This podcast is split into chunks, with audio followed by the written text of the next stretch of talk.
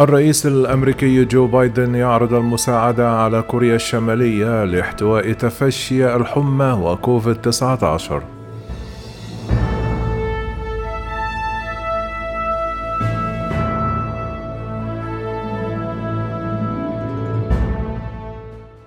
عرضت الولايات المتحدة وكوريا الجنوبية تقديم مساعدات لكوريا الشمالية لمكافحة تفشي وباء كوفيد-19 جاء في بيان مشترك صدر في ختام قمة بين الرئيسين الأمريكي جو بايدن والكوري الجنوبي يون سوك يول في سول أن الزعيمين يبديان قلقهما بشأن تفشي وباء كوفيد-19 مؤخرا في كوريا الشمالية مؤكدا استعدادهما للعمل مع الأسرة الدولية من أجل تقديم مساعدة لبيونغ يانغ قالت كوريا الشمالية السبت أنها وجدت ما يقرب من 220 ألف شخص آخرين يعانون من أعراض الحمى حتى مع إعلان الزعيم كيم جونغ أونغ إحراز تقدم في إبطاء انتشار كوفيد-19 غير المشخص إلى حد كبير وسط 26 مليونا من السكان غير المحصنين.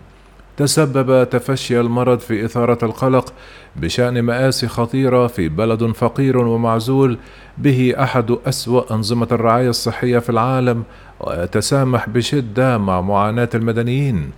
يقول خبراء أن كوريا الشمالية تقلل بشكل شبه مؤكد من الحجم الحقيقي لانتشار الفيروس بما في ذلك عدد الوفيات الصغير الغريب. وذلك لتخفيف الوطأة السياسية على زعيم كوريا الشمالية وهو ينتقل في أصعب لحظة في عقد من الحكم.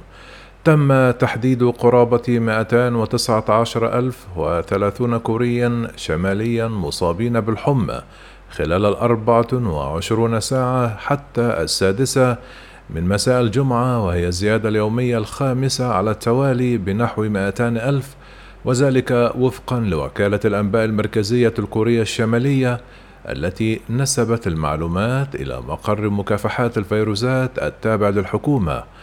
أعلنت كوريا الشمالية أن أكثر من 2.4 شخص أصيبوا بالمرض وتوفي 66 شخصا منذ أن بدأت حمى مجهولة بالانتشار بسرعة في أواخر إبريل. بالرغم من أن البلاد لم تتمكن إلا من تحديد عدد قليل من هذه الحالات على أنها كوفيد 19 بسبب نقص في لوازم الاختبار.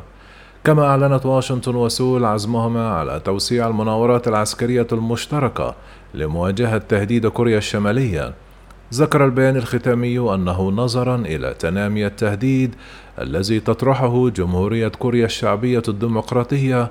يتفق القائدان على بدء محادثات من أجل توسيع مدى وحجم التدريبات والمناورات العسكرية المشتركة في شبه الجزيرة الكورية ومحيطها. تعد سول أول محطات بايدن في جولته الآسيوية والتي من المقرر أن تشمل طوكيو حيث يشارك في القمة الإقليمية للتحالف الرباعي كواد الذي يضم أستراليا والهند واليابان والولايات المتحدة. كما بدأ الرئيس الأمريكي نهاره بزيارة المقبرة الوطنية في سيول حيث دفن الجنود الأمريكيين الذين سقطوا خلال الحرب الكورية. كما أكد الرئيس الأمريكي بايدن أن تحالف الولايات المتحدة مع كوريا الجنوبية أقوى من أي وقت سابق وقال تعهدنا مع سول بالالتزام بردع تهديدات كوريا الشمالية ونزع سلاحها النووي قال بايدن إن أي لقاء محتمل مع الزعيم الكوري الشمالي رهن بصدق نوايا كيم جونغ أونغ. من جانبه شدد رئيس كوريا الجنوبية على التزام بلاده بالحفاظ على السلام. في شبه جزيرة كوريا وقال نأمل أن تحزو كوريا الشمالية نحو نزع السلاح النووي. كما أضاف نتشارك مع واشنطن قلقا عميقا بشأن سلاح كوريا الشمالية النووي. كما أشار يول إلى أنه اتفق مع الرئيس الأمريكي على إطلاق حوار اقتصادي أمني. كما شدد الرئيس الأمريكي جو بايدن على ضرورة أن تعمل كوريا الجنوبية والولايات المتحدة من أجل الحفاظ على مرونة سلاسل إمدادنا وموثوقيتها وسلامتها.